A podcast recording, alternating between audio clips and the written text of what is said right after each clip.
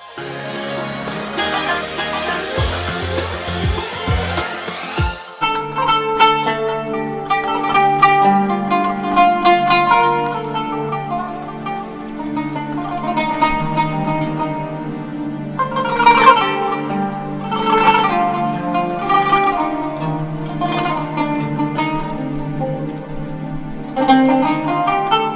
الله الرحمن الرحيم. الحمد لله. والصلاة والسلام على سيدنا رسول الله وآله وصحبه ومن والاه. مع أنوار الحبيب المصطفى والنبي المجتبى صلى الله عليه وآله وسلم نعيش هذه اللحظات تتنزل علينا فيها السكينة وتحيط بنا الملائكة لذكر رسول الله صلى الله عليه وسلم فهو الجاه الأعظم عند ربنا وهو وسيلتنا إليه. لا نعرف بابا إلا إياه. وهو خاتم المرسلين ونهاية النبيين. ولذلك فهو الرسالة الأخيرة من رب العالمين إلى العالمين. فيا هناه من وفقه الله إليه. ومحروم من حرم بركة النبي. صلى الله عليه وسلم وهدايته كنا في بني قريظة ورأينا أن حكما قضائيا قد صدر بالإعدام على هؤلاء وإبقاء ذراريهم وأبنائهم. وكان هناك علاقات بين أهل المدينة وبين بني قريظة. رأينا العلاقة التي كانت بين أبي لبابة وبين بني قريظة ورأينا العلاقة التي كانت بين سعد بن معاذ وبين بني قريظة ولكن في العموم كان هناك علاقات لأنهم يعيشون معنا. تجارة وصناعة وجوار ومصالح وأموال.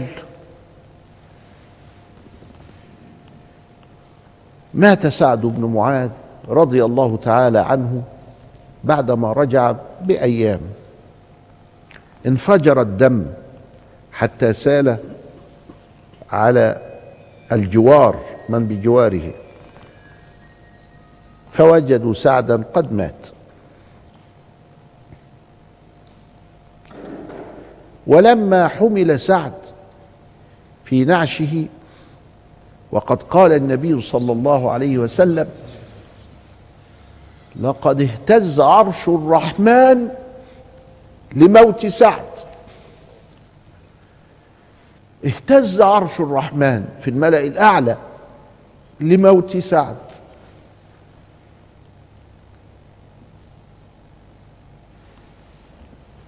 فالمنافقون الطابور الخامس موجود على أيام النبي والنبي بين أظهرهم.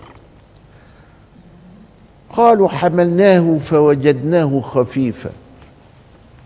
يعني ما لقوش حاجة إلا إن الخشبة بتاعته كانت خفيفة خالص وده دليل عندهم على إنه يعني لا شيء خفيف يعني. كلمة عايزين يلمزوا بيها ما ما يتكلمش معاك صريح يلف لك ويدور لك كده ما يتكلمش معاك كده بالصريح كده لا. يرمي كلمة هنا يقصد بها كلمة هنا وهكذا. فوجدناه خفيفا. فراحوا قايلين للنبي المؤمنين بيتغاظوا من المنافقين هم يروحوا يشكوا للنبي تملي يا رسول الله ده بيقولوا كذا. فقال تحمله الملائكة. الملائكة شايله فأنت يا دوبك كتفك كده ولا حاجة. مش هتحس صحيح. يبقى هنا بيعلمنا القراءة المختلفة. بيعلمنا القراءة المختلفة. أهو الحدث واحد. الخشبة خفيفة. واحد يقول يبقى ده تافه عند الله. لأنه خفيف عند الله. والتاني يقول تحمله الملائكة. شوف شوف المنهجين. إحنا بنقارن مناهج دلوقتي. تحمله الملائكة. أدي القرايه الصحيحة. قرايه سيدنا كده قرايه المنافقين. لا مش كده. أهو الحدث واحد. النص واحد. وده يقرأ بطريقة وده يقرأ بطريقة تانية. ده بيدعو الله أن يفتح الله عليه بيرجو الله. وده عايز يلسن يرمي كلمة ضيق نسق مغلق وده نسق مفتوح. كان سيدنا الشيخ صالح يقول أغلقوا على أنفسهم. ربنا موسعها كده وفاتحها كده قوم يسد الباب. تحت أي دعاوي تحت ظواهر. يعلمون ظاهرا من الحياة الدنيا وهم عن الآخرة هم غافلون. مات سعد. والنبي صلى الله عليه وسلم كان يحب سعد بن معاذ. وهو بذلك قد مات شهيدا لأنه أصيب في معركة.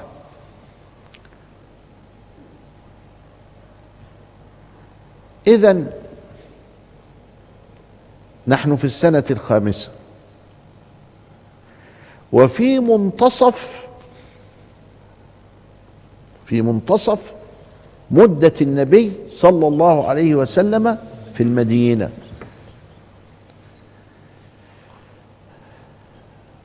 وجاء هنا أصبحت ما يسميها أهل الحضارة نقطة فارقة. أهل الحضارة تملي يبحثوا في التاريخ عن حاجة كده تكون تصلح لأن تكون نقطة فارقة. ما بين عصر وعصر ما بين جيل وجيل. نقطة فارقة اسمها كده يسموها كده النقطة الفارقة.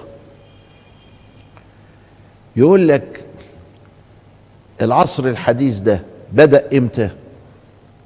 فيقولوا سنة 1830 اشمعنى يعني؟ 1830 ليه؟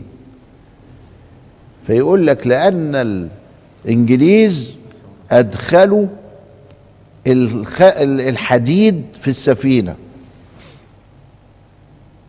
يعني إيه؟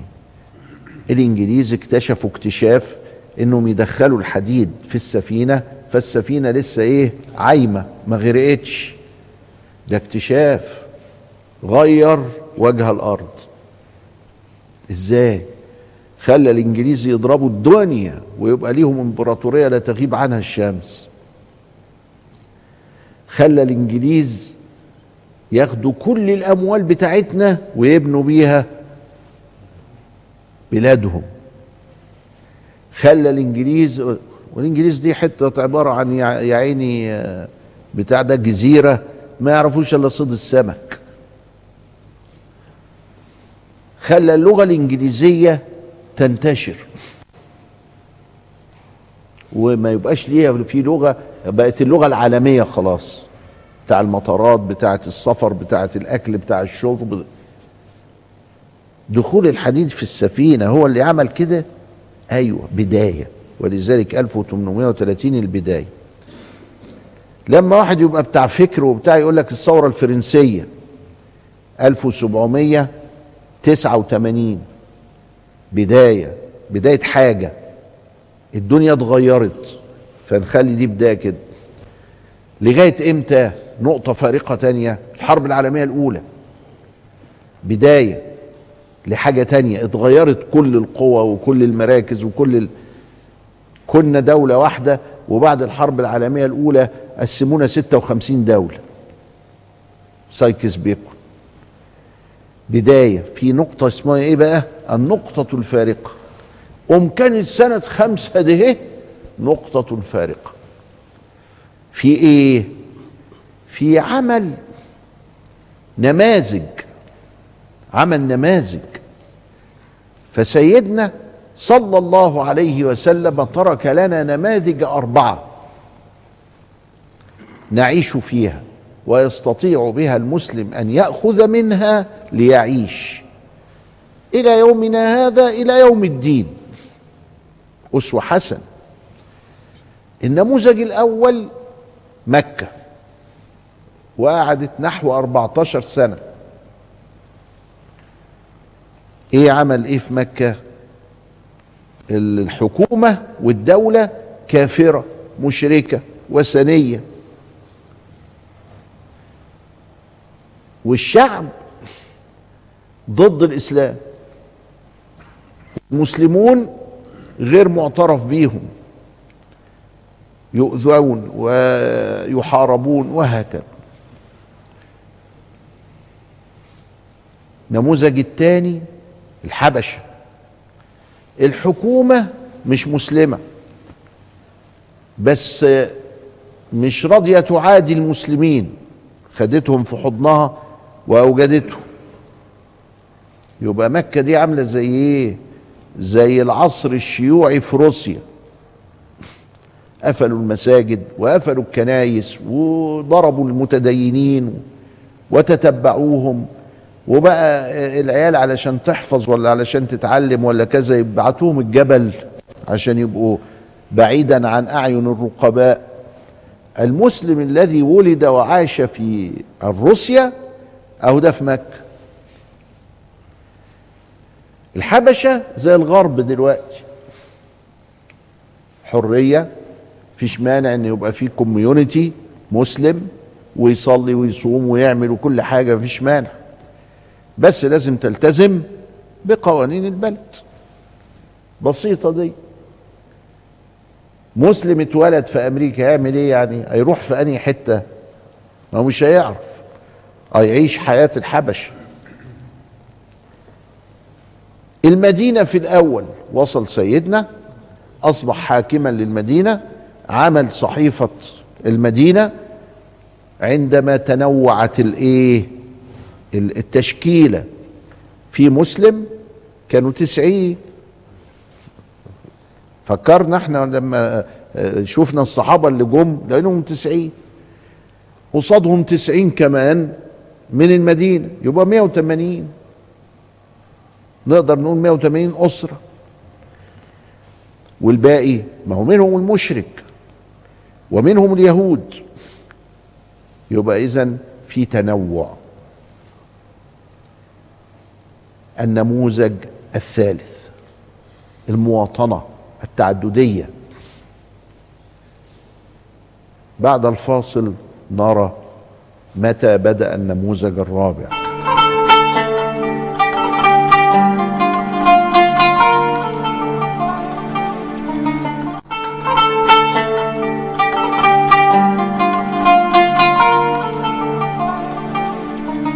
بسم الله الرحمن الرحيم الحمد لله والصلاة والسلام على سيدنا رسول الله وآله وصحبه ومن والاه.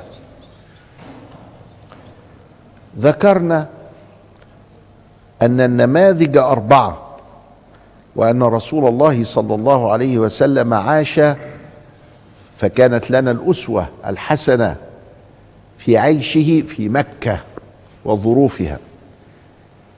ثم أرسل الصحابة إلى الحبشة فكان بقاؤهم في الحبشة مثالا يحتذى لظروفها.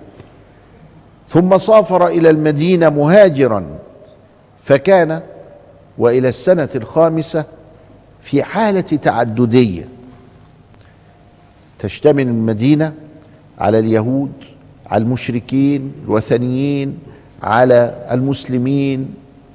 وبدأ الإسلام ينتشر بالقناعة بالعزة بأشياء كثيره حتى إن في بني قريظة أسلم أسلمت بيوت من بني قريظة.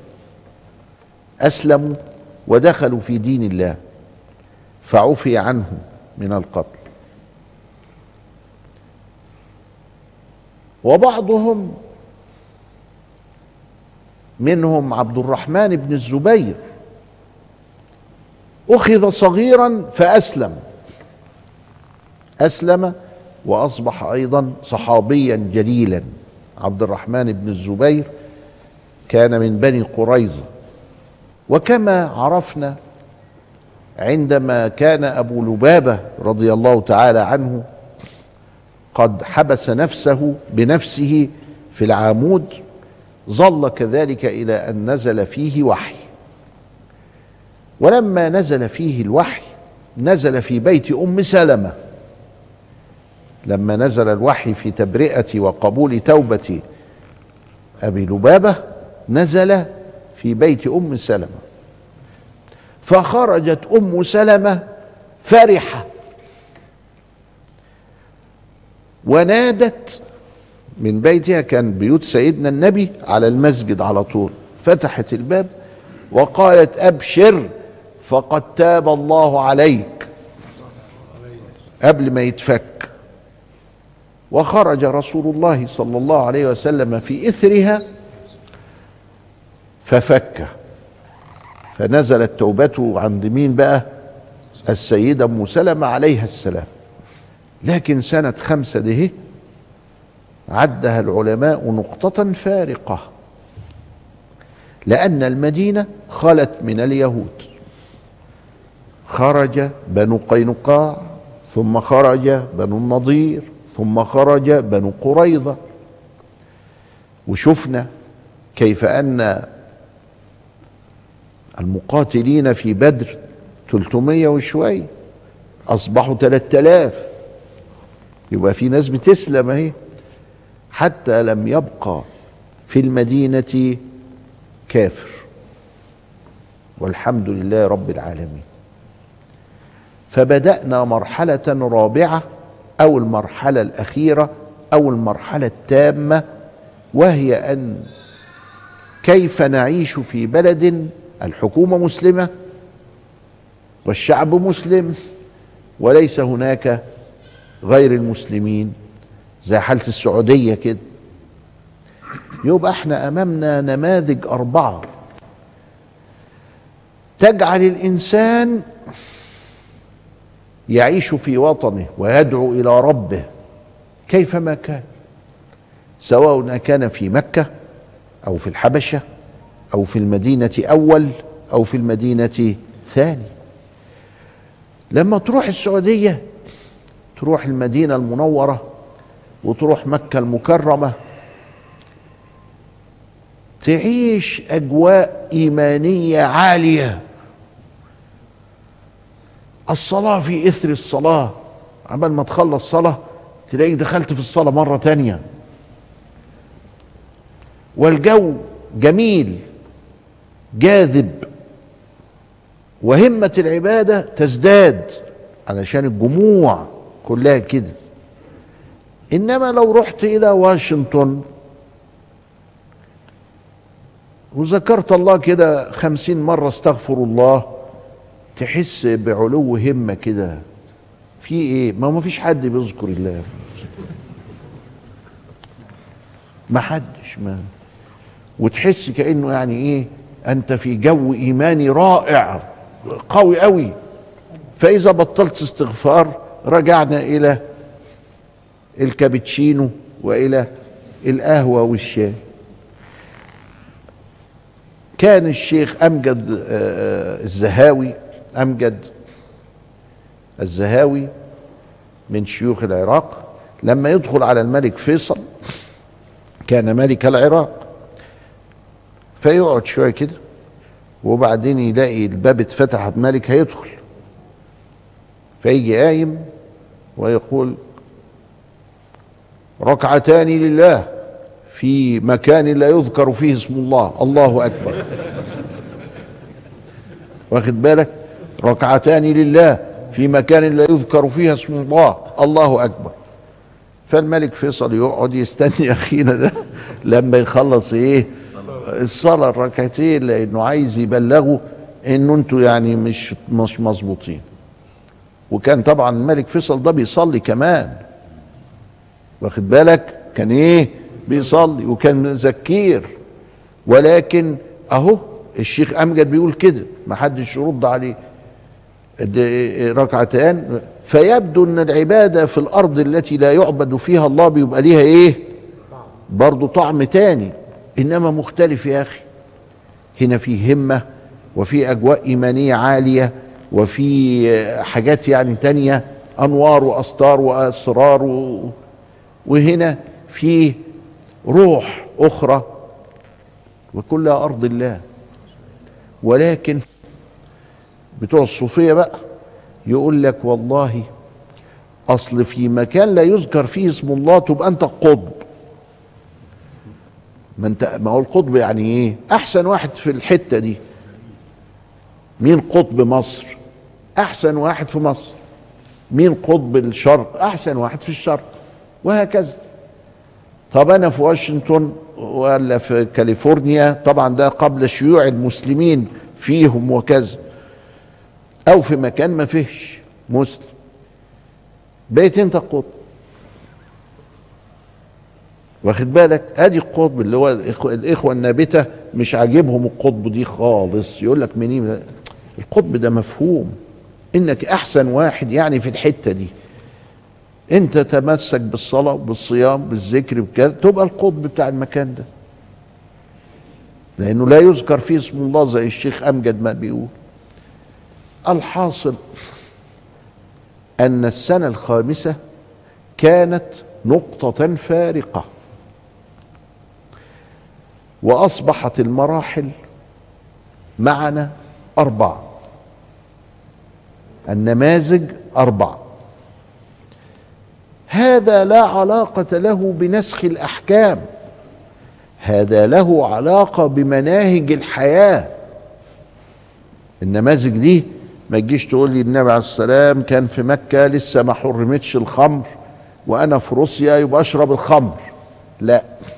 ده ملهاش دعوة بنسخ الأحكام التي تركنا عليها رسول الله صلى الله عليه وسلم ثابتة إلى يوم الدين.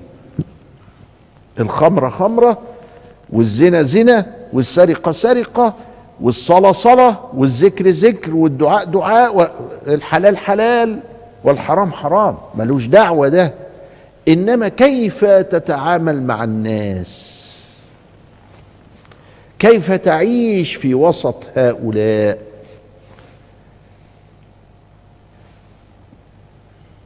فإذا أخذنا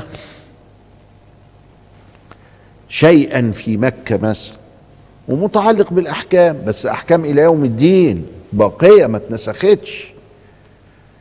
نجد أن النبي صلى الله عليه وسلم لم يفرض على من كان بمكة من المسلمين صلاة الجمعة.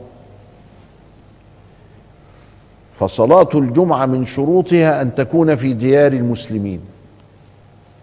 ودي حاجة طبيعية. حتى قال سيدي ابن عابدين في حاشيته إن المسلم الذي يمكث في ديار غير المسلمين له أن يأخذ منهم تصريحا بصلاة الجمعة. فإن أذنوا فبها ونعمت.